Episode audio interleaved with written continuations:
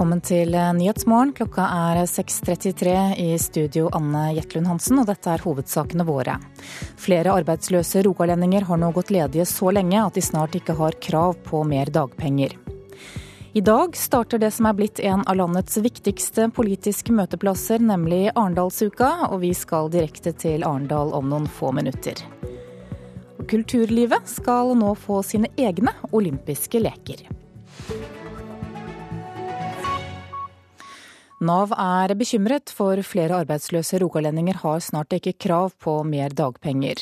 Etter to år med dagpenger får du ikke mer, og må over på økonomisk sosialhjelp. Da kan du bli tvunget til å selge både bil, hus og hytte. Om lag 1500 arbeidsløse i Rogaland har bare et halvt år eller mindre igjen av dagpengeperioden sin, og arbeidsløse Alexander Omtvedt er blant dem som håper å komme ut i jobb veldig snart. Her sitter jeg og søker på jobber og snakker med eh, arbeidskonsulentene som hjelper meg med å søke på jobber. Det er jo god hjelp, det. Jeg har jo tatt jobbsøkerkurs òg. 27 år gamle Alexander Omtvedt har gått arbeidsledig i snart et halvt år. Han jobber litt deltid som fotballeier for barn i Sandnes, men mye av tida blir brukt på Mulighetsterminalen i Stavanger, møteplassen for arbeidssøkere i regionen. Og selv om han har rett på dagpenger i halvannet år til, er han opptatt av å komme ut i jobb så fort han kan. Ja, det er veldig viktig. For det er veldig kjedelig å ikke ha jobb, og veldig slitsomt å ikke ha noe å gjøre. Men har han ikke skaffa seg jobb før to år med dagpenger er gått, er sosialhjelp samfunnets siste sikkerhetsnett. Det vil i så fall bety langt trangere økonomiske kår. 27-åringen skulle ønske overgangen ikke var så brå. Kanskje man burde sett litt mer på det, da. Kanskje man burde hatt en slags stige der hvor man får litt mindre, litt mindre hver måned. Da. For at man på en måte får det presset på seg. da. Og det er nok mange arbeidsledige som opplever et større press på å komme ut i jobb i disse dager. For blant de om lag 10 400 arbeidssøkende rogalendingene som mottar dagpenger i dag, har om lag 1500 bare et halvt år eller mindre igjen av dagpengeperioden. Det bekymrer leder for Nav Eiganes og Tasta, Stig Tore Veland. Det er klart at vi, vi bekymrer oss for denne utviklingen, og, og vi merker jo økningen i, i, i grupper godt. Eh, og vi må jo da rette mer av våre ressurser inn mot denne gruppa. På hva måte da? Nei, altså, Vi må være tettere på. Altså, dette er jo en gruppe som, som, er i en krevende situasjon. Det er tøft å holde motivasjonen eh, i forhold til jobbsøking over tid oppe. Og i tillegg så kommer jo da usikkerheten i forhold til inntekt. Altså her er det jo da informasjon om ledige stillinger, lokalt, regionalt og nasjonalt. Det er viktig for oss å vise, oss hvor, vise hvor, hvor det er muligheter for jobb. Eh, og like viktig er det å ikke låse seg innenfor én bransje, men se om, om det er muligheter innenfor andre bransjer. Ifølge Nav-lederen er det vanskelig å måle om flere får jobb når de nærmer seg toårsgrensa for dagpenger. Men jobbsøkinga tar seg opp, og nye jobbalternativ blir gjerne vurdert. Dette for å unngå de økonomiske konsekvensene overgangen til sosialhjelp gir. For den enkelte så, så, så vil det jo medføre eh, lavere inntekt. Eh, samtidig så vil det jo bli økte utgifter for den enkelte kommune. Er kommunene beredt for det? Ja, altså Nå er jo dette lovbestemte ytelser. Eh, vi må jo vurdere hver enkelt eh, søknad om, eh, om sosialhjelp eh, konkret og, og, og individuelt. Eh, i, i hvert enkelt sak. Så det er ikke sånn at vi kan ha en rett på oss, så kan vi ikke si nei.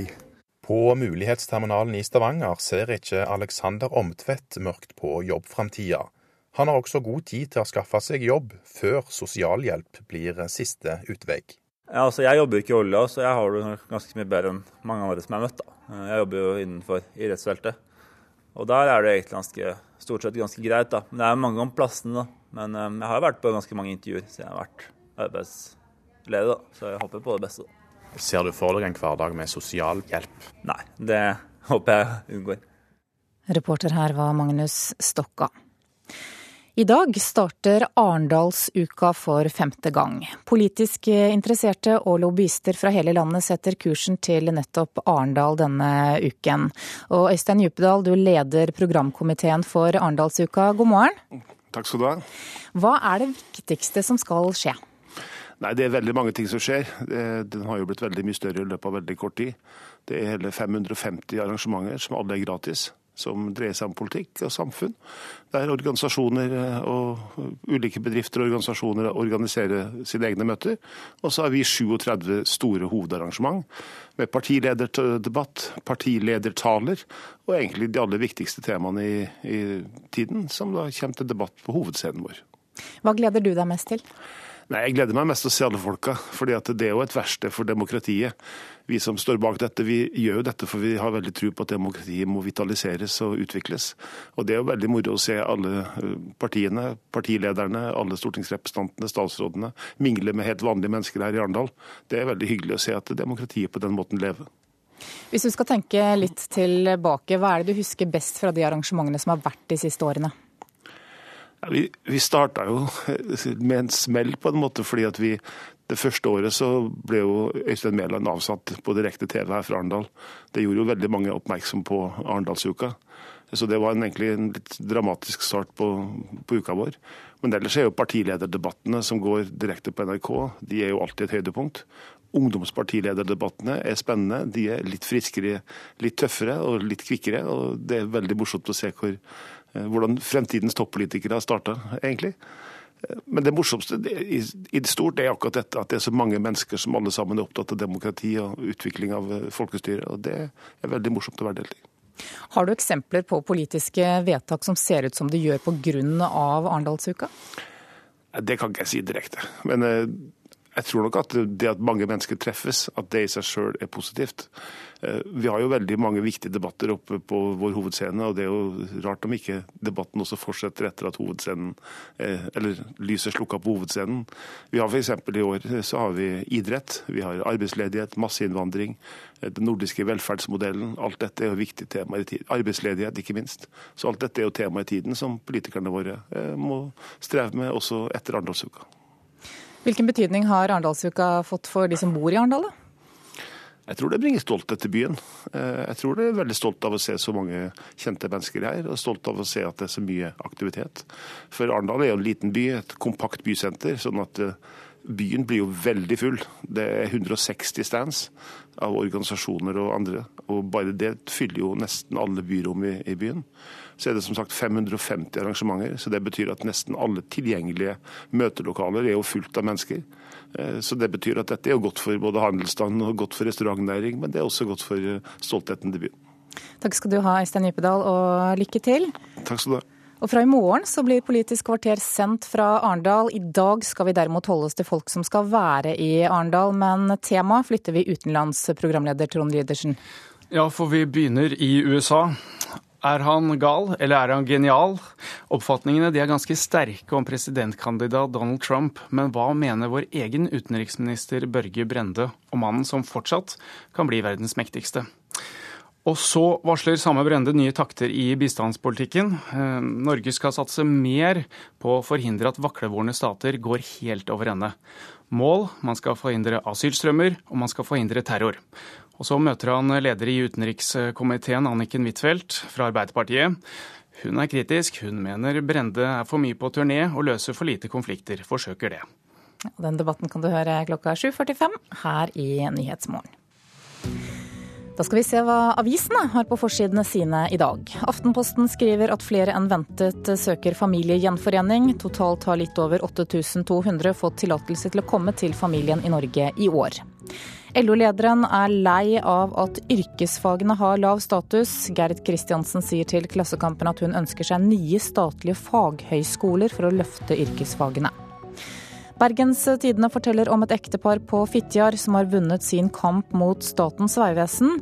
Paret har fått E39 tett opp til huset sitt og er nå tilkjent tre millioner kroner. Men de frykter at Vegvesenet skal anke til Høyesterett.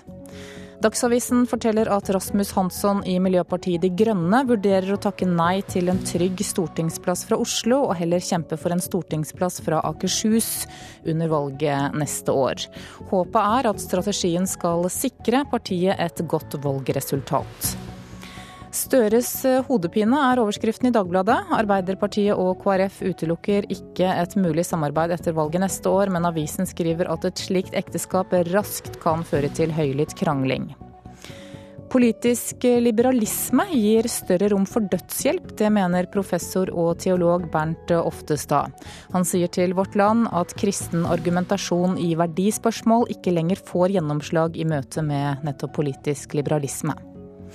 VG forteller at et tøft boligmarked fører til en ny trend, nemlig at venner spleiser på en bolig. Avisen gir deg en oversikt over hva du får for pengene i de største byene. Skogeierforbundet mener regjeringen har sviktet treindustrien her hjemme. Forbundet mener regjeringsplattformen fra 2013 om nye kapitalkilder for skogindustrien ikke er fulgt opp. Samtidig ruster svenskene opp sin industri, ifølge Nasjonen. Og Dagens Næringsliv skriver at Bjørn Dæhlie tjente 85 millioner kroner i fjor. Nå ønsker han å bruke mer tid på eiendom. Som vi hørte, LO-leder Gerd Kristiansen ønsker altså tiltak for å øke statusen til yrkesfagene. Søkertallene til yrkesfag på videregående skole synker, og frafallet er stort. Kristiansen foreslår å erstatte dagens yrkesfag på videregående med statlige faghøyskoler. Til tross for SSBs anslag om at vi vil trenge 100 000 nye fagarbeidere innen 2030, så synker søkertallene til yrkesfagene, og frafallet er stort. Dersom fagskolene styrkes til en høyere yrkesfaglig utdanning, kan det føre til at elevene velger yrkesfag når de ser at de har karrieremuligheter, sier Kristiansen til Klassekampen. Hun sier hun ønsker en modell som ligner på den i Tyskland, hvor yrkesfag har en høyere status. Hun mener altfor mange ungdommer med gode karakterer fra grunnskolen rådes til å velge teoretiske linjer, samtidig som næringslivet ønsker flere med fagutdanning. Hvis ikke vi i Norge velger å satse på dette, vil vi aldri klare å opprettholde kvaliteten og produktiviteten vi har i norsk arbeidsliv i dag, sier Kristiansen til avisa. Og det sa reporter Tom Ingebrigtsen. 6.45 er klokka nå. Dette er hovedsaker i nyhetene. Nav er bekymret. Flere arbeidsløse rogalendinger har nå gått ledige så lenge at de snart ikke har krav på mer dagpenger. Flere flyktninger får familiegjenforening, og anslag viser at antallet kommer til å øke. Og Usain Bolt sprang inn til OL-gull på 100 meter i natt. I USA så har myndighetene i Lower Lake nord i delstaten California evakuert 4000 innbyggere etter at en skogbrann spredte seg over 13 kvadratkilometer i går. Utenriksmedarbeider Eivind Molde, har brannvesenet nå kontroll over brannen? Nei, eh, de har ikke det foreløpig. Eh, flere enn 700 brannfolk er i aksjon, men de har altså ikke klart å stanse brannen ennå. Brannen starta lørdag, og brannvesenet jobber selvsagt på spreng nå for å hindre at den skal spreie seg ytterligere. Hvor dramatisk er det som skjer? Den er svært kraftig, denne brannen. og eh, i natt kom meldingene om at han har spredd seg helt inn i hovedgata i byen Lower Lake, som ligger nord for eh, San Francisco. Flere forretningsbygg har brent ned, og minst tolv bostadhus er ødelagd av eh, brannen. Og som du sa, så er 4000 eh, mennesker evakuert. I nabobyen Clear Lake er 16 pasienter på et sykehus flytta til et sykehus et stykke unna i tilfelle brannen skulle ramme sykehuset. Hvordan startet denne brannen? Ja, det, litt, av årsaken ligger jo i det at det har vært ekstrem tørke i California den siste tida. Og eh, det har vært flere store eksplosive branner i delstaten i løpet av eh, sommeren. Styresmaktene har slått alarm og sier at det er stor fare for eh, flere branner i California. Temperaturen kommer trolig til å stige til eh, ti grader over gjennomsnittet i Sør-California nå i løpet av den nærmeste tida. Takk skal du ha, utenriksmedarbeider Eivind Molde. Så til eh, OL i Rio de Janeiro, der det ble norsk bronse til bryteren Stig André Berge sent i går kveld. Vi har jobba steinhardt i veldig, veldig, veldig, veldig mange år nå. Eh, og Jeg er ikke noen unggutt lenger, og dette her var kanskje en av mine siste sjanser. At vi lykkes så til de grader, det, den bronsemedaljen her den er god som gull for meg i dag. altså. Og uansett hva Stig André Berge velger å gjøre, så vil han være en spydspiss for norsk brytesport. Det sier landslagstrener Jimmy Lidberg. Selv ønsker medaljevinneren å bidra, men først må han altså bestemme seg for om han fortsetter karrieren som utøver. Det kan jeg ikke svare på i lykkerus. Det må jeg tenke litt på. Og så får vi ta en evaluering og se.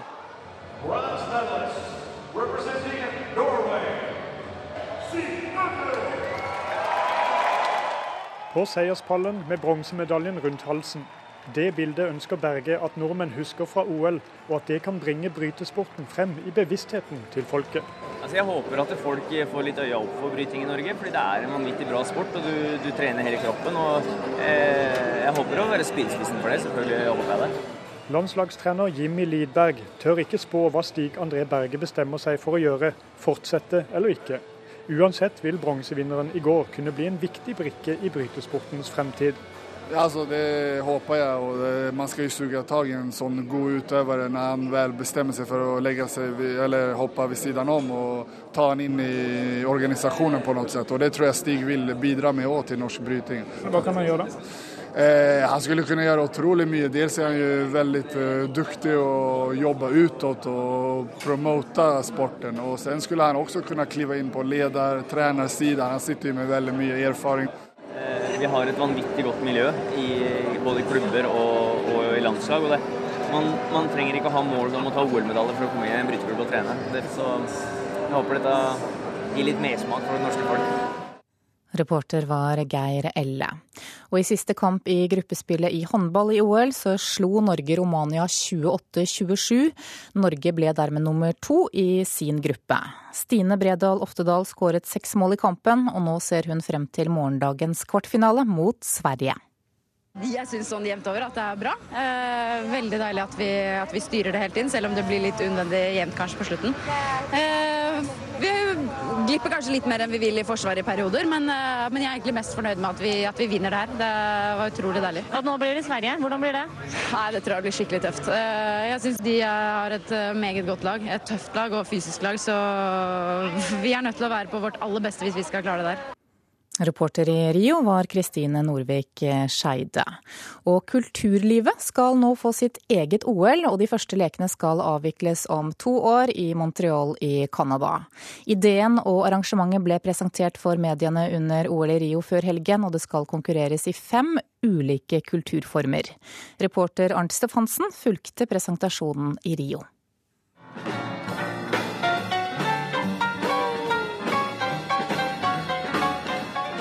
Montreals store jazzpianist Oliver Jones får det til å svinge under presentasjonen av hjembyens kultur-OL i 2018.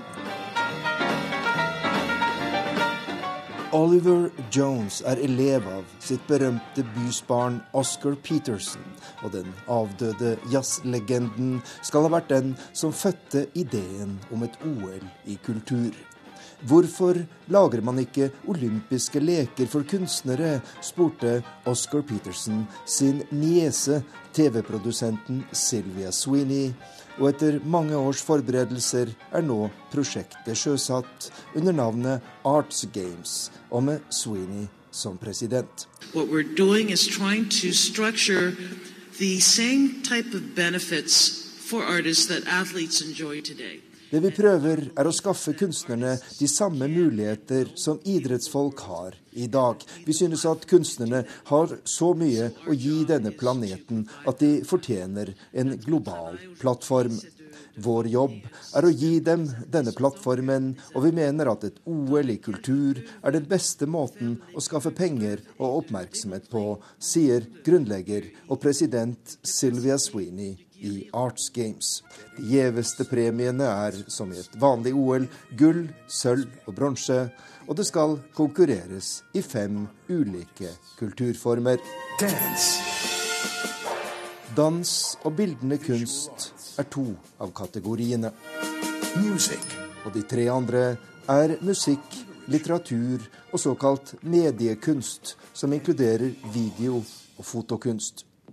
Arts Games opplyser at det er etablert kontakt med arrangører i 196 land, og at disse arrangørene vil invitere kunstnere til å delta i konkurranser med sikte på å kvalifisere seg til OL i Canada om to år.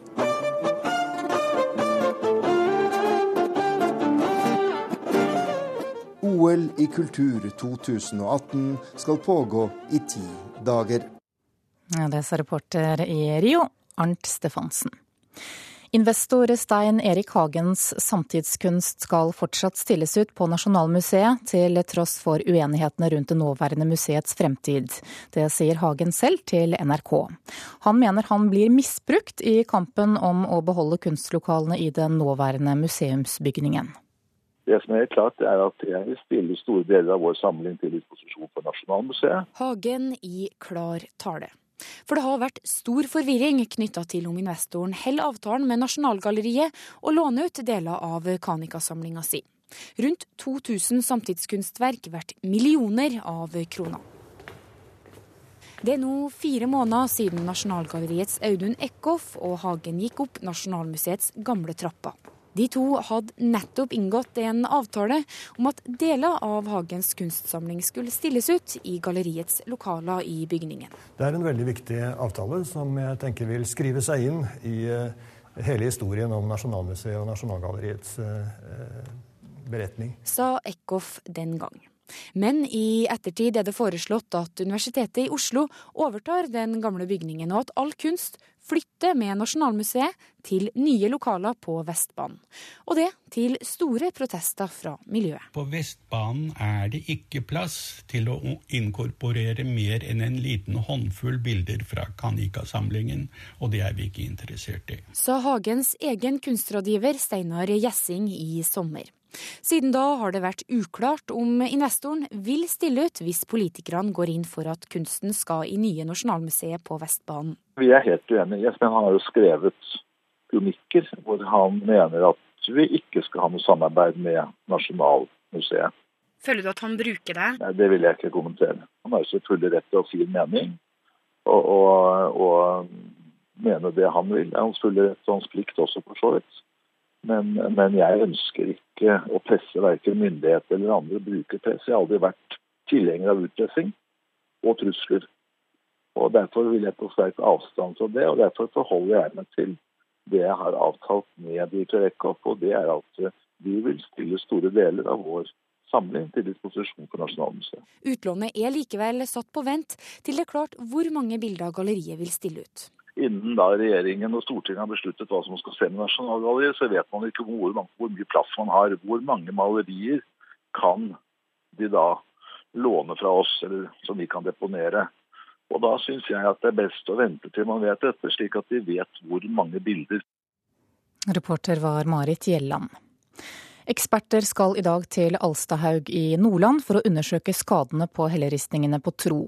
Fire av helleristningene ble ødelagt tidligere i sommer. Den er skada, og den er skada, og den er skada, og den er skada. Så til sammen så er det hvor mange som er skada? Fire. Fire figurer. Men det er jo skiløperen som er den mest berømte. Og den som har fått hardest medfart, for å si det sånn. Fylkesarkeolog Trine Jonsson reiser i dag sammen med NTNU Vitenskapsmuseum og Riksantikvaren for å se på skadene til skiløperen og de andre helleristingene på Tro. Fire av de ti helleristingene vil trolig aldri fremstå slik de har gjort de siste 5000 årene. Vi må få sett på hvor, eh, ja, hvor omfattende det er, hvor mye av de ødelagte opprinnelige figurlinjer er mye. Altså De opprinnelige hoggsporene i berget de forsvunnet for bestandig. Så må vi da se om det er noe vi kan gjøre, og det tror jeg jo ikke. For hvis vi skal begynne å gjøre inngrep nå for å skjule dette her, så ødelegger vi jo enda mer. Selv om håpet trolig er ute for å redde de historiske kulturminnene, håper arkeologen de i dag kommer til bunns i hva som må gjøres videre. Særlig når det kommer til å forebygge flere slike vandaliseringer i fremtida. Jeg tror ikke det vil bety sånn altså for, for ristningene og synlighet og reduksjon av skader og sånn, så tror jeg ikke vi får noe ut av det. Men det vi får ut av det, det er at vi alle, alle forvaltningsnivåene blir klar over hvor mye som er ødelagt. Og så er det jo håp at, at, dette, at vi på en eller annen måte gjennom å gå ut så bredt som vi gjør, kan redusere sjansen for at noe sånt skal skje andre plasser. Ja, Til slutt der hørte du fylkesarkeolog Trine Jonsson, og reporter var Amanda Aasberg. Universitetet i Oslo havner på 67.-plass på en rangering av verdens 500 beste universiteter. Det betyr at det har falt ni hakk fra fjorårets 58.-plass. Øverst på listen troner Harvard University i USA. Åtte av de ti øverste universitetene ligger i USA, mens to ligger i Storbritannia. Da skal vi se på et værvarsel som gjelder til midnatt. Østafjells og fjell i Sør-Norge kan vente seg nordlig bris, frisk bris på kysten vest for Lindesnes og stort sett pent vær. Vestlandet sør for Stad nordlig bris, økning til frisk på kysten, delvis skyet opphold. Møre og Romsdal og Trøndelag skiftende bris. Første del av dagen vestlig frisk bris på kysten. Litt regn av og til, senere opphold og litt sol i Møre og Romsdal. Også lettere vær i Trøndelag.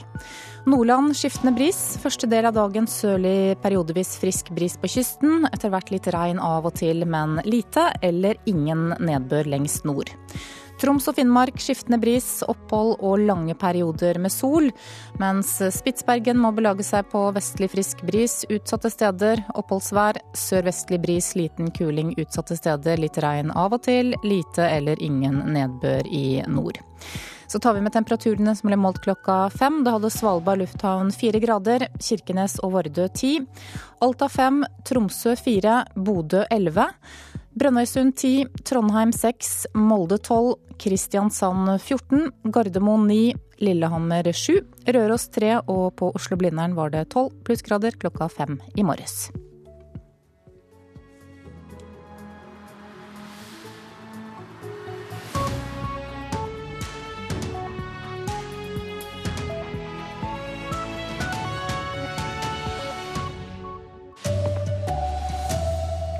Flere foreldre forteller at barnet deres blir mobba i barnehagen. Og LO vil heve yrkesfagene sin status. Her er NRK Dagsnytt klokka sju. Foreldreutvalget for barnehager får inn stadig flere meldinger fra foreldre som opplever at barnet blir mobba i barnehagen.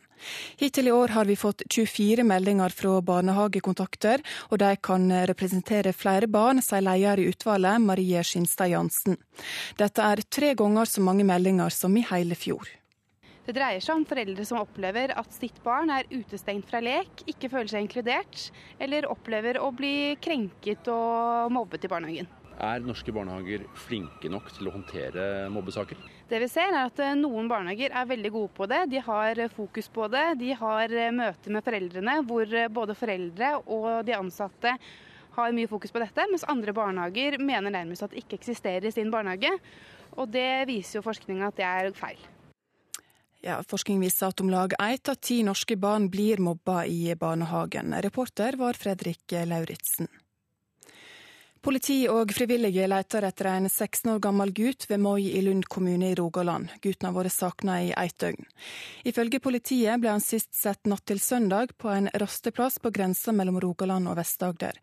Søket foregår fra rasteplassen og nordover mot Moi sentrum.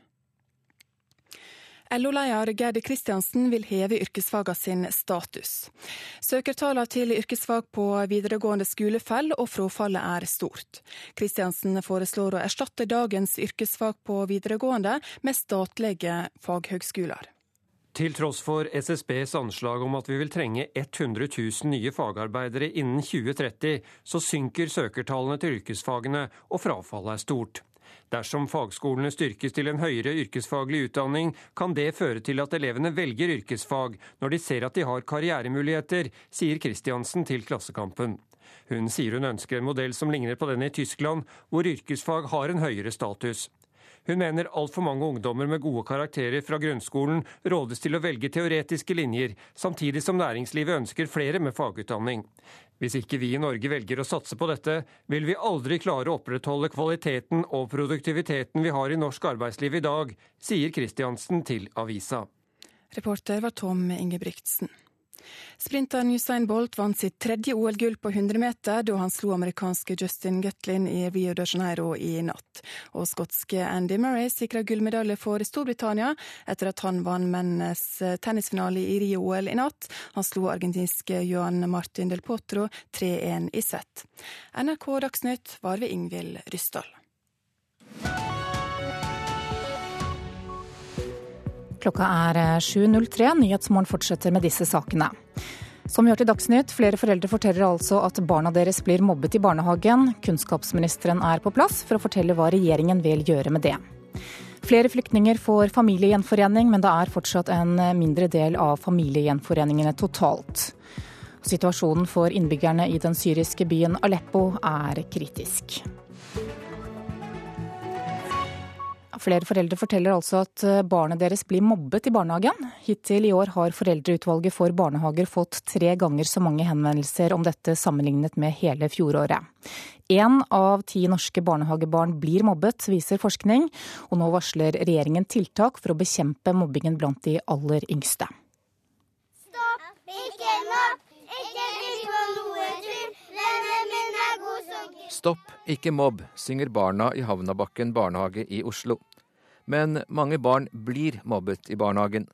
Vi har fått 24 henvendelser fra foreldrekontakter hittil i år. I hele fjor fikk vi åtte. Det sier leder i Foreldreutvalget for barnehager, Marie Skinstad Jansen. Én foreldrekontakt kan for øvrig representere flere barn. Det dreier seg om foreldre som opplever at sitt barn er utestengt fra lek, ikke føler seg inkludert, eller opplever å bli krenket og mobbet i barnehagen. Alle skal leke med alle. En, to, tre. Det som er viktig, det er at vi voksne, både foreldre og de ansatte i barnehagen, er gode rollemodeller og viser hva som er greit og hva som ikke er greit. Faktisk er det sånn at noen barn i barnehagen eh, blir litt mer svarteper enn andre barn, også blant de voksne, ikke bare blant barna. Det sier professor i spesialpedagogikk ved Universitetet i Agder, Ingrid Lund. Hun har forsket på mobbing av barnehagebarn. Hun anslår at rundt 10% av barna i barnehagene blir mobbet. Regjeringen vil nå kurse barnehageansatte i kampen mot mobbing. Jeg er ikke kritisk til kompetanseheving i barnehagen, for det trenger vi. Men vi trenger at inn i den kompetanseplanlegginga som gjøres, så må det legges inn holdningsarbeid, og det må legges inn forpliktelser i forhold til den enkelte barnehage og den enkelte barnehageeier når det at vi ser at barn utsettes for mobbing. Da vil jeg Barn helt ned i toårsalderen blir mobbet i barnehagen. Det er tøft å bli satt utenfor, sier Skinstad Jansen. Det kan være alt fra at eh, noen ikke får være med i leken, eller at du alltid får den eh, kjedelige rollen som å være en hund, f.eks. Eh, og så er det jo også det da med at du kan ikke få være med i leken f.eks. For eksempel, fordi du ikke har på deg skjørt. Og er det ingen voksne der som fanger opp at det blir sagt, eh, så er det heller ingen som får fortalt de barna at eh, det ikke er lov å si sånn, og at man selvfølgelig får lov til å være med i leken uansett om man har på seg skjørt eller ikke. Alle trenger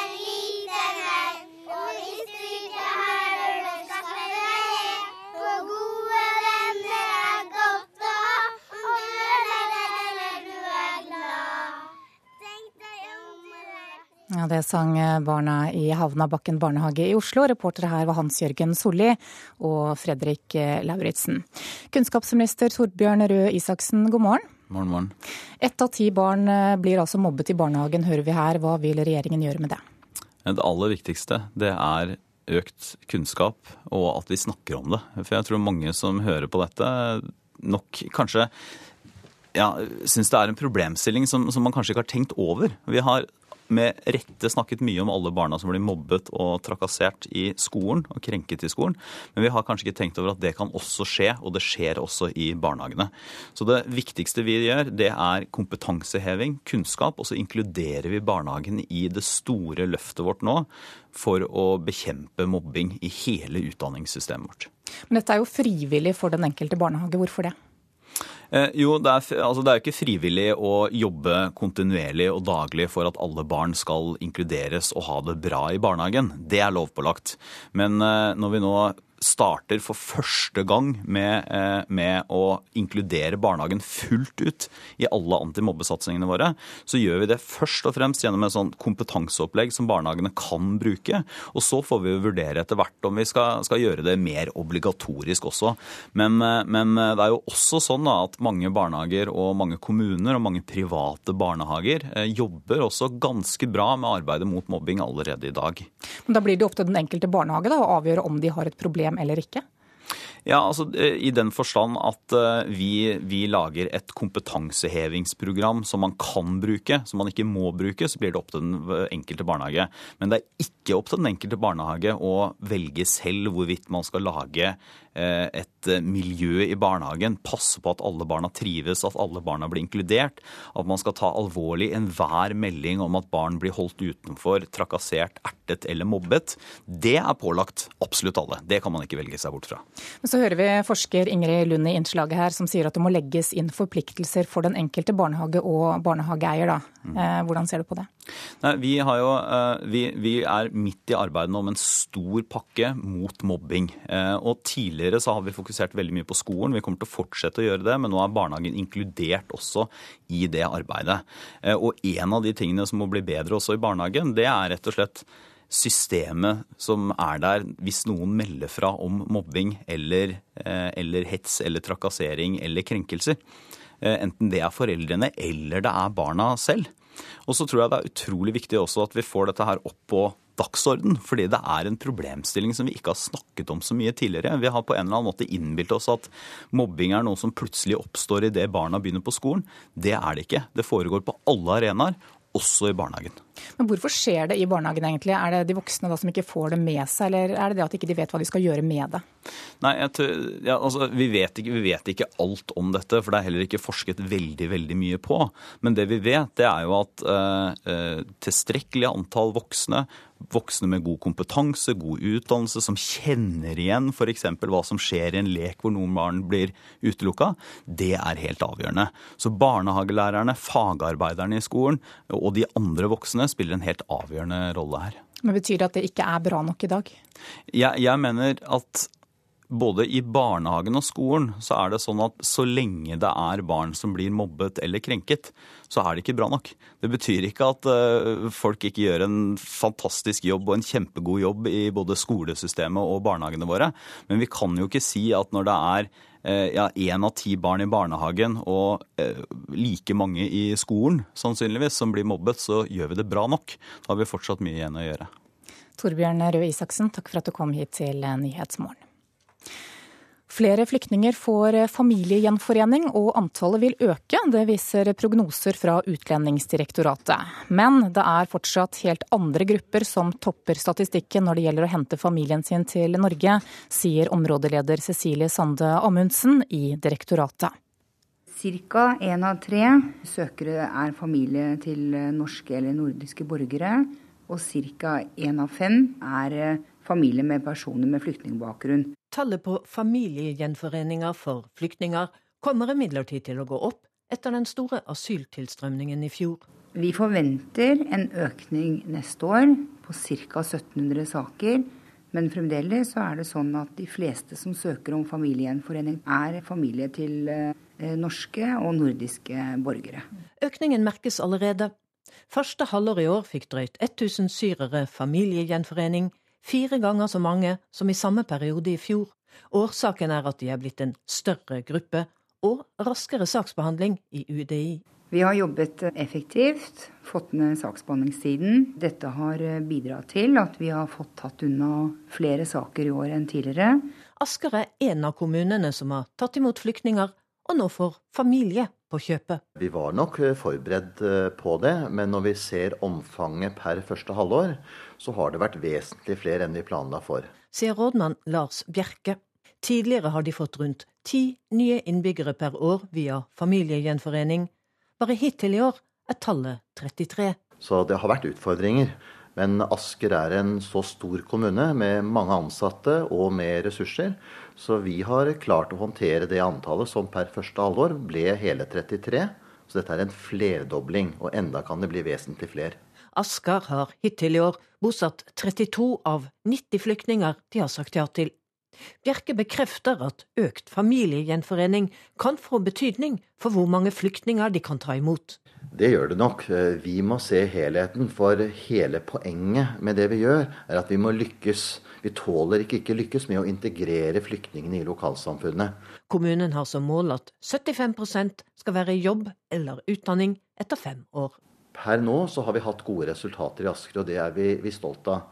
Men med at vi må flerdoble eh, antall flyktninger, så er jo spørsmålet hvordan klarer vi det med de økte antallet vi skal integrere. Klarer Asker-samfunnet å akkumulere og integrere en flerdobling av dette på kort tid? Reporter var Katrin Hellesnes. Og vi skal direkte til Syria nå, for situasjonen for innbyggerne i byen Aleppo er kritisk. Det er akutt behov for nødhjelp, men kamphandlingene hindrer hjelpen i å komme frem. Og fra Damaskus har vi med oss Elisabeth Hoff, som er stedlig representant i Syria for Verdens helseorganisasjon. Og Hoff, kan du gi noen bilder nå på hvor akutt situasjonen er for de sivile i byen Aleppo? Ja, god morgen. Det er veldig kritisk i Aleppo for øyeblikket. Det er ustanselig bombardering fra lufta og skyting fra bakken. Aleppo som har vært en by som har kjempa i snart fem år og har nekta å dø. Nå er gatene tomme, befolkninga er redde. De, de, sliter, de har ikke den motstandskraften som de en gang hadde. Og de tåler ikke mer lidelse og smerte. De spør om verdenssamfunnet har glemt dem, og om medfølelse ikke lenger eksisterer. I Øst-Aleppo er 250 000 mennesker beleira. Alle veiene er stengt. FN får ikke levert humanitær bistand. Det er kommet så langt at vi nå diskuterer å åpne ei luftbro. Men det er også fullstendig behov for ei våpenhvile over flere timer, sånn at kritisk syke, inkludert kvinner og barn, kan bli evakuert til sykehuset i Vest-Aleppo. I Øst-Aleppo er det bare 35 leger og 130 sykehussenger. Og alle sengene er fulle, og en må sende ut pasienter og si nei til behandling. Så de får ikke den hjelpa de trenger. I Vest-Aleppo er sykehusene også fulle, overfulle. Det er vann og elektrisitet som blir levert bare sporadisk til befolkninga. Situasjonen har aldri vært mer kritisk enn det en opplever nå. Så er det sånn at FN har bedt om en pause i kamphandlingene i to døgn, slik at nødhjelpen kan komme inn. Hvor avgjørende er det? Det er fullstendig eh, kritisk nå. Vi må inn med hjelp, med medisiner, med mat, og også til å få ut de kritisk syke.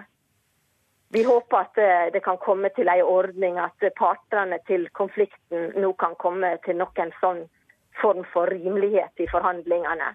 Det som er helt klart, er at det finnes ikke noen humanitær løsning. Men vi må bare på selve konflikten, men vi må få inn kritisk hjelp nå. Du snakket om dette med luftbro.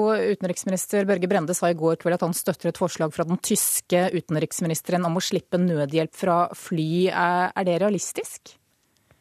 Ja, vi har gjort det til deres år, der det er 200 000 mennesker også beleiret av uh, ISIL. da. Og de kan få inn mat og medisiner, men det er ikke noe realistisk løsning over sikt. Det er utrolig kostbart, og på, også det er begrensa hva en får inn. Men en trenger her mye mer tilgang til å åpne opp veiene, sånn at en får inn leger og får ut en, får ut dem kritisk syke, syke fra Aleppo. 250 000 mennesker. Det er begrensa hva en kan levere gjennom en luftbro. Elisabeth eh, Hoff, stedlig representant for Verdens helseorganisasjon i Syria, takk for at du var med i Nyhetsmorgen. 16 minutter over sju er klokka blitt nå. Dette er hovedsakene våre. Det kommer stadig flere rapporter om mobbing i barnehagen. Nå kommer regjeringen med tiltak. Flere flyktninger får familiegjenforening, men det er fortsatt en mindre del av tallet på familiegjenforeninger totalt.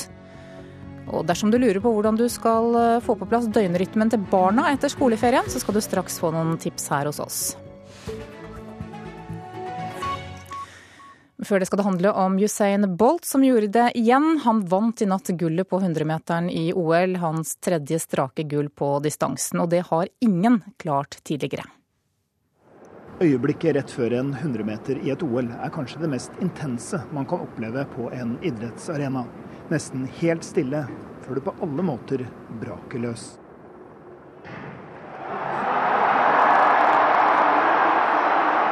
Det hele er denne gang over på 9,8 sekunder. Og som i OL i Beijing og London ble vinneren Usain Bolt. So, Mr. Bolt, tell me first of all, what are you made of? Gold. Jeg er laget av gull, sier en lattermild Bolt på spørsmål fra NRK. Han er utvilsomt en unik idrettsutøver. Før disse lekene har han vært plaget med skader og har fått konkurrert lite. men han er etter hvert blitt vant til å takle stort press og skader. It's something year year, but I have a great coach. God is with me. I have a great doctor that helps me out. So I just have a great team around me. Dette skjer år etter år, men jeg har et godt team rundt meg, en god trener og en god lege. Han har uttalt at neste års VM blir hans siste mesterskap, men tilhengerne i Rio ropte taktfast 'four more years', fire nye år. Bolt tviler på at det vil skje. Will you take four more years? Uh, uh, I don't think so. We'll see what happens. Men uansett hva han velger å gjøre, så har han skrevet seg inn i historiebøkene ved å ta gull på 100-meteren i OL tre på rad. Mannen som ble nummer to i går, og som har vært Bolts konkurrent i en årrekke, Justin Gatlin, er stum av beundring. Spectacular. The guy, I mean, he's a true champion. He comes out, he shows up when it's time. I mean, how can you take that away from him? You know, I'm just honored to be able to come out and race against him. Han hylles også av kanadiske André de Grasse, som tok bronse. Han har sagt å være arvtakeren til Bolt. Men de Grasse føler seg ikke helt overbevist om at Bolt gir seg etter neste sesong. yeah, we'll see. Um, you know, I've been talking to Bolt all the time, and he's like, I think I'm gonna try to go to go to 2020, and I'm like, really? So I don't, I don't know. He's a he's a spectacular guy. I don't know. Sometimes he be joking around, but it's, it's funny. It's funny with him. Reporter i Rio var Andreas Hagen. For nøyaktig 53 dager siden stemte et flertall av britene for at Storbritannia skulle forlate EU. Men når dette skal skje, er fortsatt høyst usikkert. Den nye statsministeren Theresa May har signalisert at forhandlingene tidligst kommer i gang på nyåret, men Storbritannia-korrespondent Espen Aas, også dette ser nå ut til å bli forsinket. Ja, Statsminister Theresa May eh, har vært og er under dobbelt press. Både ønsker mange av hennes egne partimedlemmer som stemte for utmeldelse, at denne etter hvert så velkjente artikkel 50 i Lisboa-traktaten skal iverksettes, og dermed starten på utmeldelsen. Men også de resterende 27 EU-landene mener jo det samme. Brexit betyr brexit, eh, sa hun da hun tok over, men eh, nå er det ikke sikkert at de kan iverksette denne artikkelen før mot slutten av neste år. Fordi at to nye og viktige departementer som er opprettet nettopp pga. denne prosessen, et såkalt brexit-departement og et internasjonalt handelsdepartement, skal ifølge en kilde fra finanssentrumet City of London, som Sunday Times snakket med i går, langt fra være klare på nyåret. De trenger rett og slett mer tid både til å finne rette folk og få satt i gang infrastrukturen for å fungere som departementer, og kan ikke gå i gang med arbeidet i januar som planlagt. Men så er det sånn at alt handler heller ikke om britiske forhold her? Nei, det er jo som sagt disse 27 EU-landene også. og En av grunnene til at britene hastet i gang med denne avstemningen allerede i juni i år, er at det er valg både i Tyskland og Frankrike neste år. Frankrike har valg i mai, og så har tyskerne i september. Og det får da også følger for denne saken. For det er kilder her som mener at det vil være galt å igangsette dette, denne brexit-prosessen når de ikke vet hvem de skal forhandle med i de to kanskje aller viktigste EU-landene, hvem som kommer til å styre. Og da kan kanskje utmeldelsesprosessen først begynne i september, oktober eller enda senere. Og selve prosessen tar to år, og da er Storbritannia tidligst utmeldt mot slutten av 2019. Og det er jo en stund til. Ja, hvordan blir det møtt av EU-motstanderne? Definisjonen av å respektere en folkeavstemning blir nok tøyd litt vel mye nå for mange. En som rykket raskt ut i går med en advarende pekefinger, det var Nigel Farage, lederen av uavhengighetspartiet UKIP, og mente at regjeringen nå risikerte å dytte velgere som ville ha f.eks. strengere innvandringskontroll, videre ut på ytterste høyrefløy mot høyreekstreme grupper, fordi denne folkeavstemningen ikke blir respektert. Og også innad i hennes konservative regjeringsparti kommer det advarende pekefingre om at dette vil være uklokt. Regjeringen nyter høy oppslutning akkurat nå pga. mye indre uro i opposisjonen, men den uroen kan fort komme til dem selv. Ja, Hva kan konsekvensene bli da, dersom det blir store forsinkelser?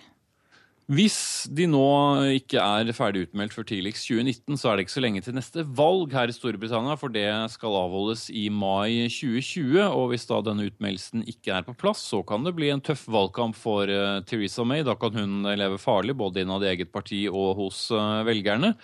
Og så er det jo for tiden et slags vakuum i EU, både i Storbritannia og i EU som sådan, fordi et viktig land både er medlem, men heller ikke helt er det.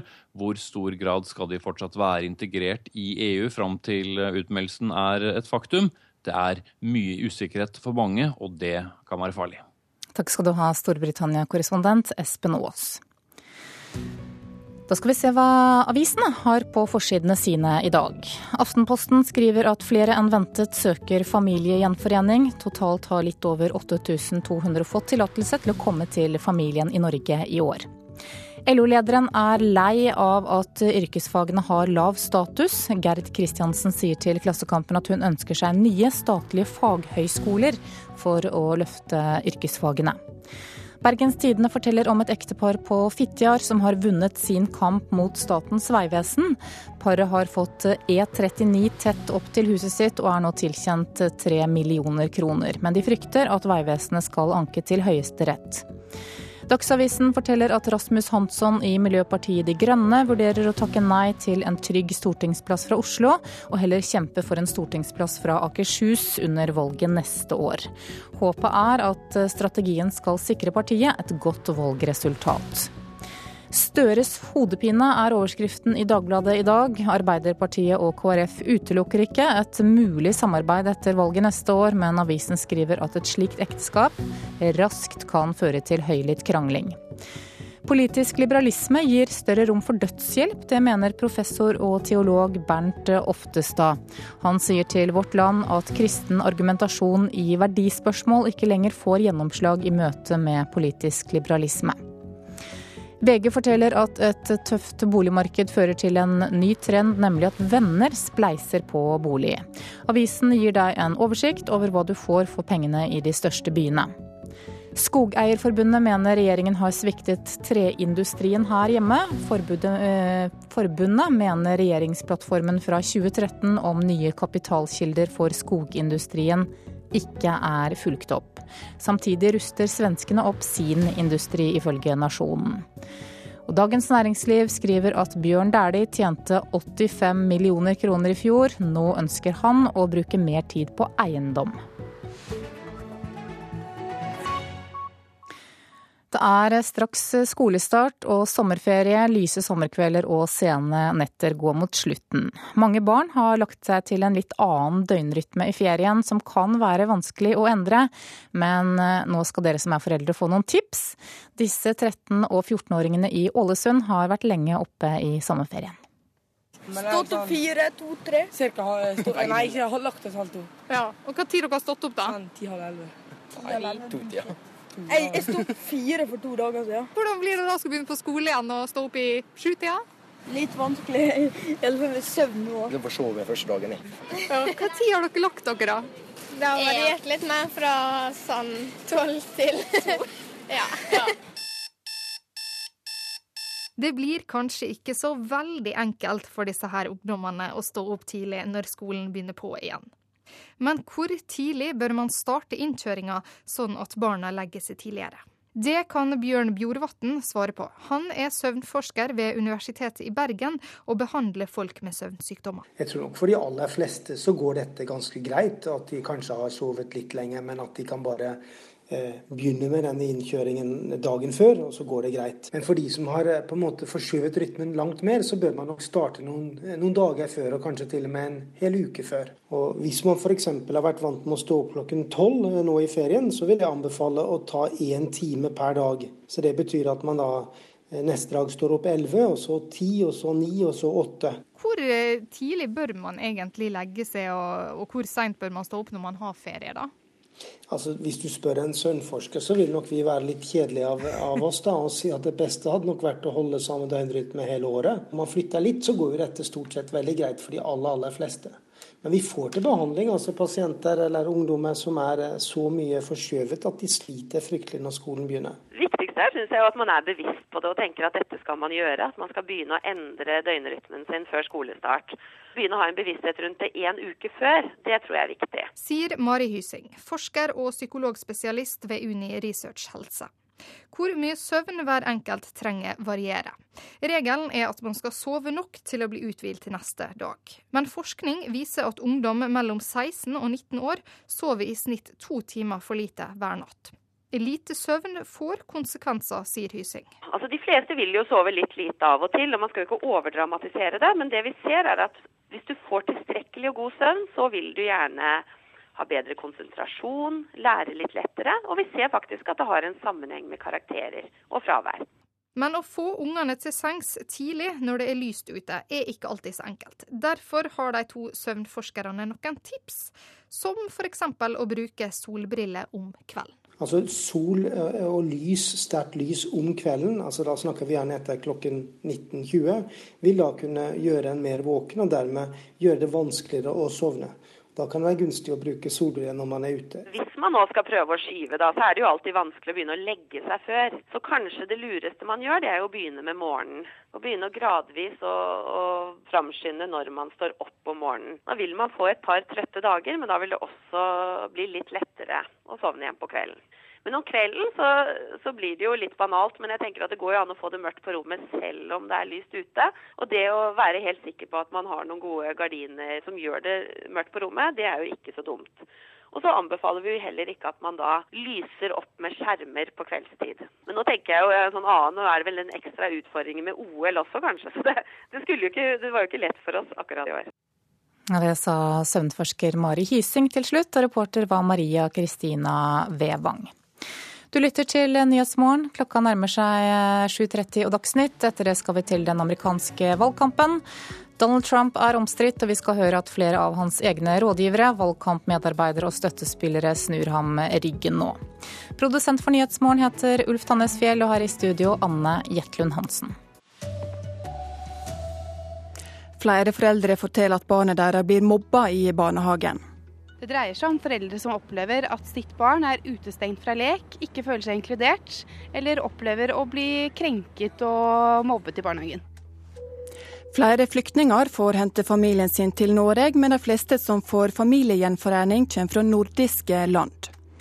Og LO vil gjøre det mer attraktivt å velge yrkesfag. Her er NRK Dagsnytt klokka 7.30. Flere foreldre forteller at barna deres blir mobba i barnehagen. Hittil i år har tre ganger så mange som i hele fjor tatt kontakt med Foreldreutvalget for barnehager om dette. Om lag ett av ti norske barnehagebarn blir mobba, viser forskning. Nå varsler regjeringa tiltak for å stoppe mobbinga blant de aller yngste. Stopp, ikke mobb, ikke driv på noe tull, vennen min er god som gull. Stopp, ikke mobb, synger barna i Havnabakken barnehage i Oslo. Men mange barn blir mobbet i barnehagen. Vi har fått 24 henvendelser fra foreldrekontakter hittil i år. I hele fjor fikk vi åtte. Det sier leder i Foreldreutvalget for barnehager, Marie Skinstad Jansen. Én foreldrekontakt kan for øvrig representere flere barn. Det dreier seg om foreldre som opplever at sitt barn er utestengt fra lek, ikke føler seg inkludert, eller opplever å bli krenket og mobbet i barnehagen. Faktisk er det sånn at noen barn i barnehagen Eh, blir litt mer svarteper enn andre barn, også blant de voksne, ikke bare blant barna. Det sier professor i spesialpedagogikk ved Universitetet i Agder, Ingrid Lund. Hun har forsket på mobbing av barnehagebarn. Hun anslår at rundt 10% av barna i barnehagene blir mobbet. Regjeringen vil nå kurse barnehageansatte i kampen mot mobbing. Jeg er ikke kritisk til kompetanseheving i barnehagen, for det trenger vi. Men vi trenger at inn i den kompetanseplanlegginga som gjøres, så må det legges inn holdningsarbeid, og det må legges inn forpliktelser i forhold til den enkelte barnehage og den enkelte barnehageeier når det at vi ser at barn utsettes for mobbing. Reportere var Hans-Jørgen Solli og Fredrik Lauritzen. Kunnskapsminister Torbjørn Røe Isaksen sier mobbing i barnehagen er et problem som må løses ved å heve kompetansen i barnehagene. Nei, ja, altså, vi, vet ikke, vi, vet ikke, alt om dette, for det er heller ikke forsket veldig veldig mye på.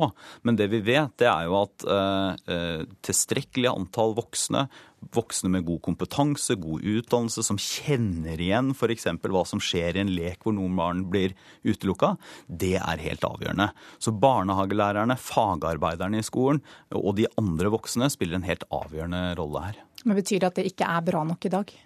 Jeg, jeg mener at både i barnehagen og skolen så er det sånn at så lenge det er barn som blir mobbet eller krenket, så er det ikke bra nok. Det betyr ikke at uh, folk ikke gjør en fantastisk jobb og en kjempegod jobb i både skolesystemet og barnehagene våre, men vi kan jo ikke si at når det er uh, ja, én av ti barn i barnehagen og uh, like mange i skolen sannsynligvis som blir mobbet, så gjør vi det bra nok. Da har vi fortsatt mye igjen å gjøre. Intervjuer her var Anne Jetlund Hansen.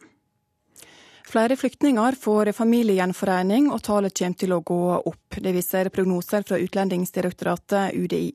Men det er fortsatt helt andre grupper som topper statistikken når det gjelder å hente familien sin til Norge.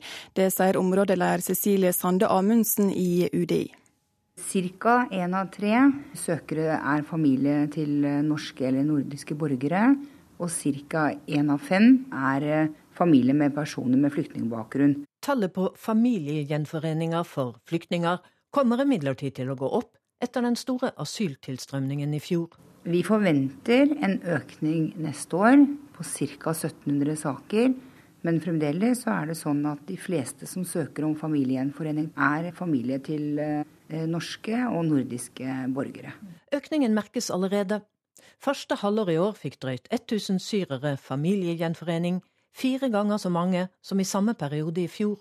Årsaken er at de er blitt en større gruppe og raskere saksbehandling i UDI.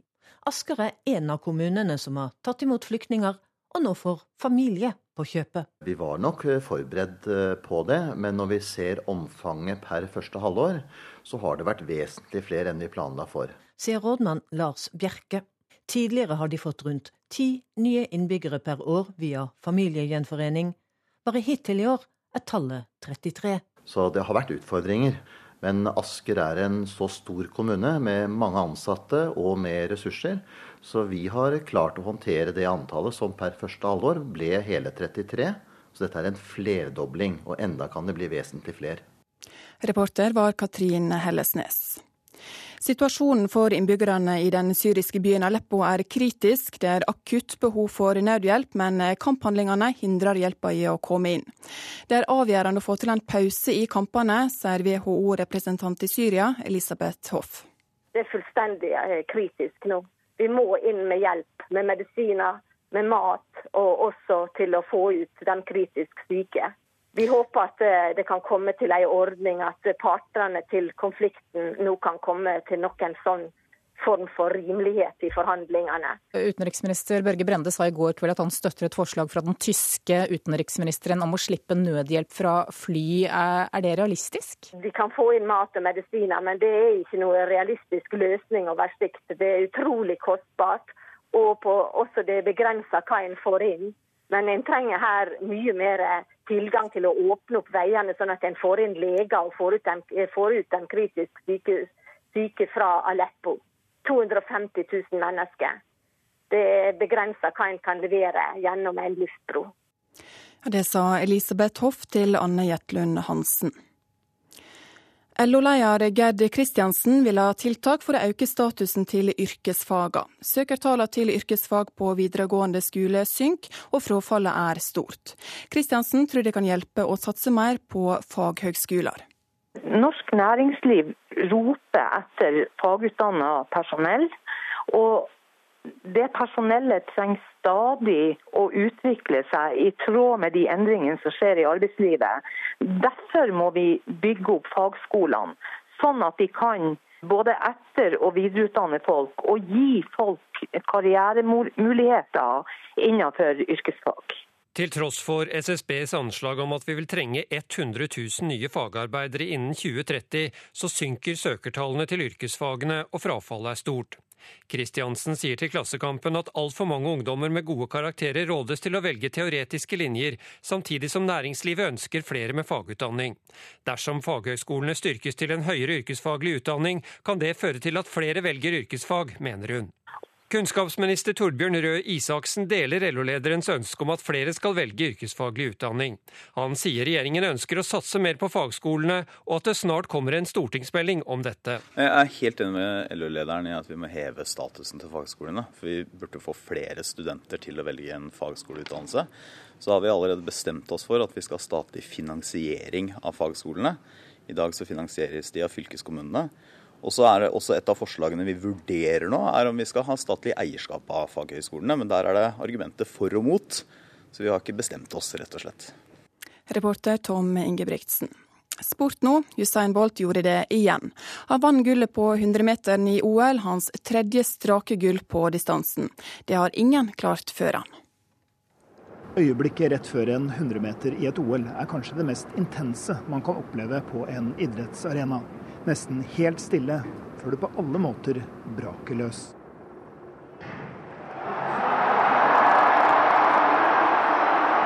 Det hele er denne gang over på 9,8 sekunder, og som i OL i Beijing og London ble vinneren Usain Bolt. So, Mr. Bolt, tell me first of all, what are you made of? Gold. Jeg er laget av gull, sier en lattermild Bolt på spørsmål fra NRK. Han er utvilsomt en unik idrettsutøver. Før disse lekene har han vært plaget med skader og har fått konkurrert lite. Men han er etter hvert blitt vant til å takle stort press og skader. It's, it's year year. But I have a great coach. God is with me. Out. So. Dette skjer år etter år, men jeg har et godt team rundt meg. En god trener og en god lege. Han har uttalt at neste års VM blir hans siste mesterskap. Men tilhengerne i Rio ropte taktfast 'four more years', fire nye år. Bolt tviler på at det vil skje.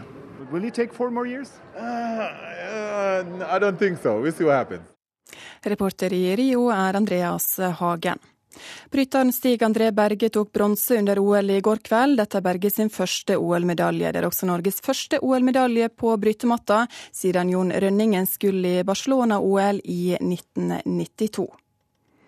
Ansvarlig for denne sendinga var Sven Gullvåg. I studio Ingvild Ryssdal.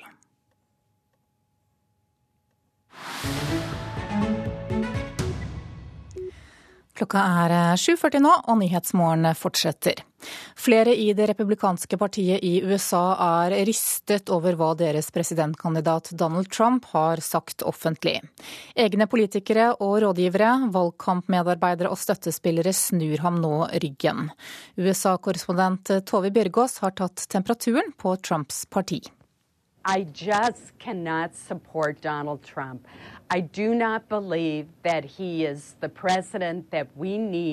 Den første av republikanernes senatorer gikk fra bordet denne uka. Susan Collins fra Maine kommer ikke til å stemme på Donald Trump i november. Hun kan snart få følge av flere fra eget parti. For uroen øker over at den republikanske partiskuta med Donald Trump ved roret allerede kan være i ferd med å synke. Valgmatematikernes svar har lenge vært at den i alle fall tar inn vann. Lenge før Trump gikk bananas etter landsmøtene og sørget for at Hillary Clinton nå leder med mer enn 10 prosentpoeng på mange målinger, så en valgseier krevende ut for ham. Å sikre seg en plass i Det hvite hus handler som kjent ikke om å få et flertall av alle amerikanske velgeres stemmer. En blir president ved å sikre seg minst 270 valgmannsstemmer. Og det gjelder å vinne delstater der de to partiene har omtrent like stor oppslutning. Og her kommer matematikken inn. Ohio og Florida, Virginia og Colorado, Nevada og New Hampshire er noen av de såkalte vippestatene der valget avgjøres. Og befolkningsendringer i mange av dem favoriserer allerede demokratene. Barack Obama vant delstater som republikanerne har kontrollert lenge.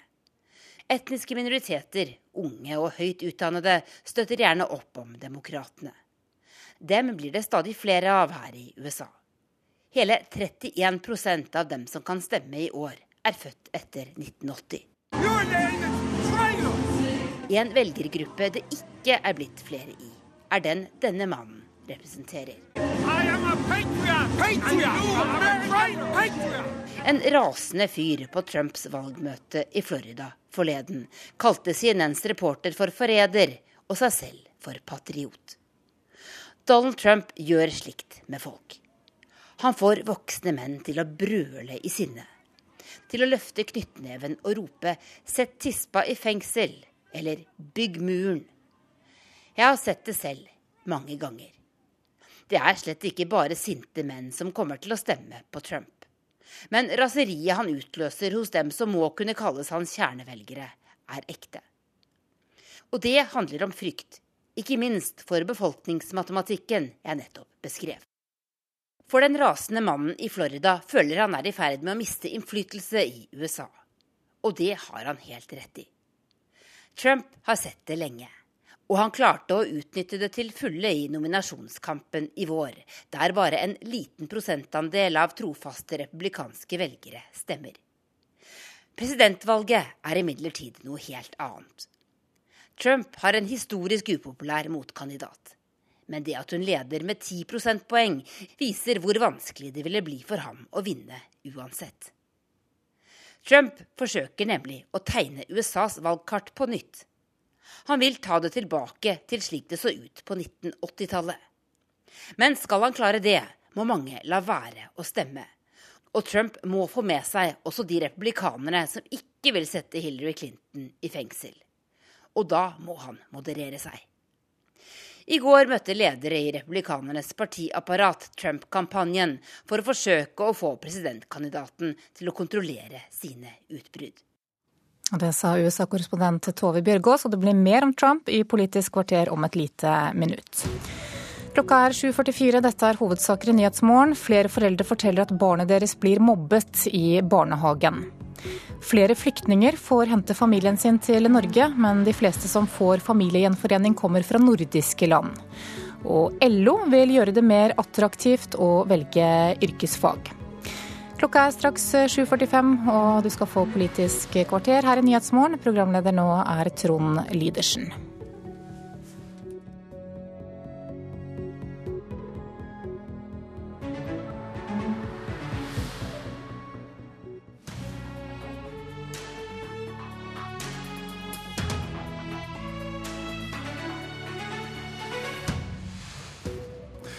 Regjeringen lager nå en ny bistandsstrategi. Vi skal hjelpe de aller mest sårbare og vaklevorne statene på en ny måte. Målet er bl.a. å forhindre terrorisme og framtidige asylstrømmer. Men vi starter med han som fortsatt kan bli verdens mektigste mann, presidentkandidat Donald Trump. Etter et godt knippe friske uttalelser sier nå Frankrikes president at han får brekninger, Sveriges statsminister han er urolig, og Tysklands utenriksminister at han frykter konsekvensene hvis Trump vinner valget. Men hva mener vår egen utenriksminister? Først koster vi på oss et lite gjenhør med da Donald Trump ga Barack Obama og Hillary Clinton skylda for at IS finnes. ISIS is honoring President Obama. He is the founder of ISIS. He's the founder of ISIS. Okay? He's the founder. He founded ISIS. And I would say the co founder would be crooked Hillary Clinton. Utenriksminister eh, Børge Brende, du er med oss fra Arendal. Hva sier du om Trump? Eh, mange av de uttalelsene han kommer med, eh, skaper eh, uro. Og det er jo også slik at man nesten ikke tror det man hører. Men vi har jo ingen tradisjon i Norge for å gå inn i andre lands valgprosesser. Men situasjonen knytta til noen av disse utspillene til Trump er jo såpass ekstraordinær at jeg har også valgt å ta til motmæle. Bl.a. det utspillet som kom i sommer, som satte spørsmålstegn ved eh, den eh, kollektive solidariteten i Nato, som har vært eh, basisen for hele den sikkerhetspolitiske orden som vi har bygd siden andre verdenskrig. Du er svært bekymra, altså. Anniken Huitfeldt, du er leder i utenrikskomiteen og fra Arbeiderpartiet. Velkommen til Politisk kvarter. Hvor mye betyr det egentlig for Norge hvem som blir sjef i USA nå? Det kommer til å ha betydning, for det er en forskjellig utenrikspolitisk strategi. Når Trump sår tvil om eh, Nato-forpliktelsene, når han sår tvil om folkeretten og landanneksjonen på Krim, så er det urovekkende for Norge. Slik at det vil helt klart være i norske utenrikspolitiske interesser at Clinton blir valgt, og hun har også et veldig nært forhold til Norge. Og er alliert på viktige verdimessig spørsmål internasjonalt. Brende, frykter du at en person som Trump i Det hvite hus kan skape større rase- og religiøse motsetninger? Altså kanskje nettopp det motsatte av hva verden trenger nå? Nå er det jo mange måneder eh, frem til eh, den amerikanske eh, valgkampen. Vi må forholde oss til det som amerikanerne bestemmer seg for. Men det er jo utspill knytta til, kvinner, også til minoriteter, som Trump har kommet med. Som vi absolutt ikke trenger, og som ikke hører hjemme, etter min mening, i det 21. århundret. Men til ditt forrige spørsmål om hva som hvor viktig det er hvem som er USAs president, så må jeg si at det er svært viktig. USA har 50% av den militære kapasiteten globalt. Det er 25% av den globale Eh, økonomien, 5% av den globale befolkninga. Eh, USAs president setter en viktig tone i veldig mange sammenhenger, ikke minst når det gjelder eh, økonomi og gjenskape vekstkraften i den globale økonomien, hvor Trump har tatt til orde for proteksjonisme, noe som er svært bekymringsfullt i en situasjon hvor vi må handle mer med hverandre og ikke mindre. Huitfeldt, blir det så bra med Hillary, da? Ja, det som er viktig for meg, er at hun i mange spørsmål har stått for en mer åpen linje. At hun har stått for samarbeid med europeiske land. Hun har frontet kvinnespørsmål. Og så er det jo dypt urovekkende, mener jeg, at i en tid hvor vi ser tilbakeskritt i Russland, Tyrkia, men også blant mange EU-land når det gjelder demokrati, demokratiske institusjoner, så er det usedvanlig viktig at amerikanerne, som vi har et sterkt verdimessig fellesskap med, ikke inntar en konfronterende holdning til resten av verden. Slik at det vil helt klart være i norsk utenrikspolitisk interesse at eh, Clinton blir valgt. Og det er klart at det som hun la vekt på i sitt samarbeid med Norge den tiden hun var utenriksminister, i sitt forhold bl.a. til Jonas Gahr Støre, det var at hun verdsatte diskusjoner. Amerikanerne har mye verdimessig fellesskap med oss, men vi får ofte annen informasjon. Vi er et lite land, og hun verdsetter å bli utfordret og få nye ideer i utenrikspolitikken. 8.11. så tar i hvert fall amerikanerne valget på om det blir Hillary Clinton eller Donald Trump som blir ny president.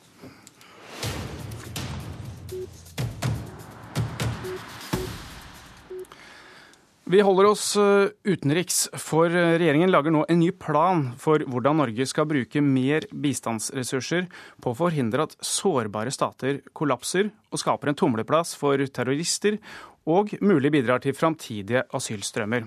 Eh, vi, vi, snakker spesielt da om landene i beltet eh, Mali i Vest-Afrika til gjennom Nord-Afrika, Afrikas Horn, Midtøsten til Afghanistan i øst. Eh, Børge Brende, hva er det dere skal gjøre så annerledes nå? Det er et behov for å nå bedre frem til de mest marginaliserte og fattige i verden.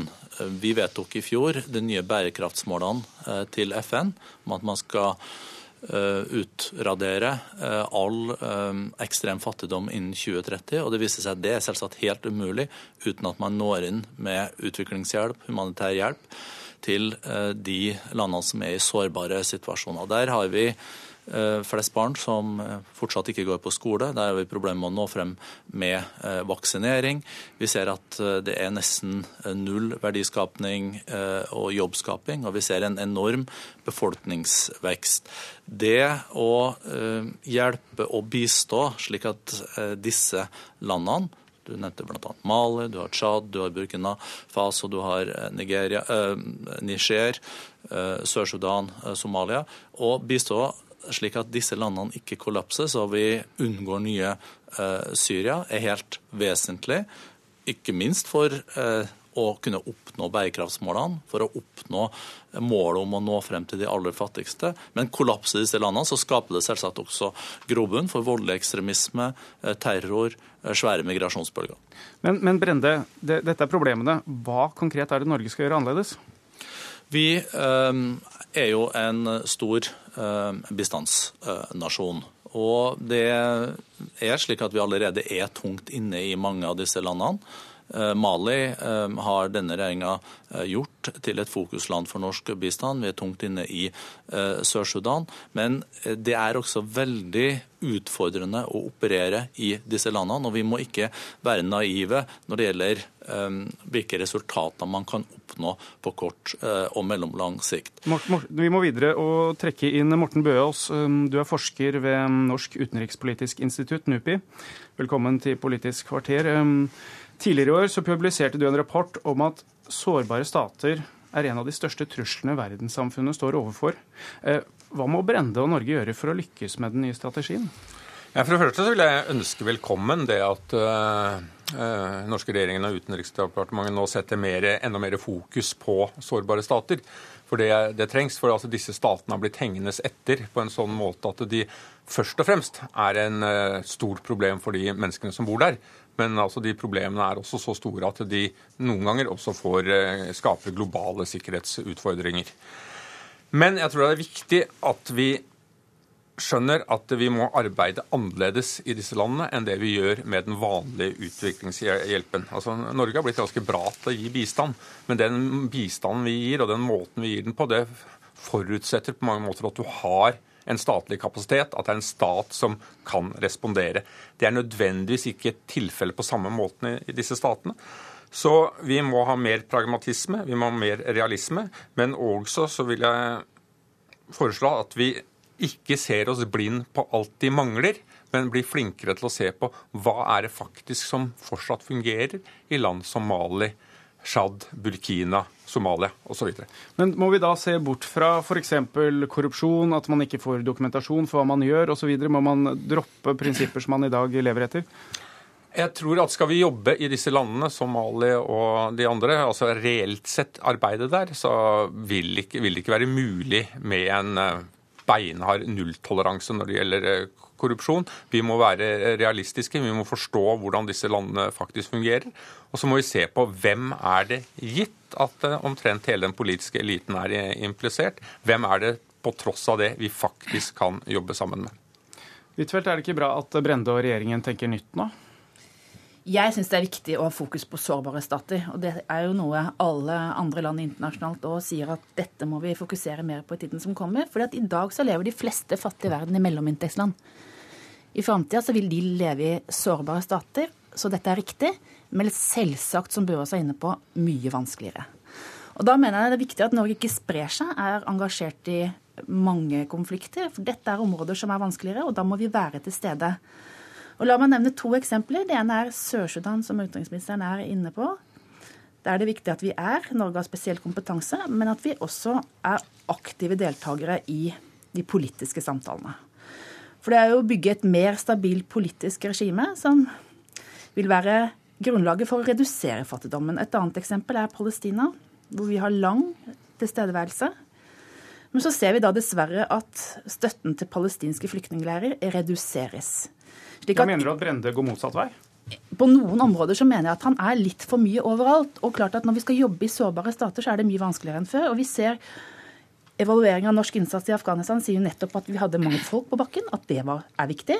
Men også at, at Norge under utenriksminister Jonas Gahr Støre var modig nok til å forsøke å få til samtaler med den mer moderate delen av Taliban. Og Derfor så mener jeg at vi må ha økt engasjement rundt fred- og forsoningspolitikken. For det er nettopp her Norge har et fortrinn. Vi får ofte annen informasjon enn våre nære allierte amerikanerne. Og her syns ikke jeg utenriksministeren har vært aktiv nok. Brende, har du spredd deg for mye? Nå er det jo det stikk motsatte som har skjedd. da. Eh, vi har redusert antall samarbeidsland eh, fra 116 under de rød-grønne til nærmere 80. Det hadde vi problemer med å få igjennom eh, i Stortinget. Vi har redusert antall tematiske satsinger. Vi har gått fra 6500 programmer til eh, nærmere 4000 eh, programmer. Men det som er helt vesentlig her, og som også begge de to andre var inne på, er at vi må være realistiske når vi går inn i sårbare stater og stater i sårbare situasjoner. Det er mer komplisert, men alternativet, hvis de bryter sammen og vi får flere Syria og flere situasjoner som Irak, ikke godt. Når det gjelder fred- og forsoningssamarbeidet, så syns jeg Huitfeldt faktisk er litt lite sjenerøs. Vi hadde Oslo-konferansen for fred og forsoning i sommer, hvor både utenriksminister John Kerry, Mogherini, som leder EUs internasjonale arbeid, Eh, Sarif, utenriksministeren fra Iran, eh, i Oslo. Og alle var jo der fordi at det Norge driver med,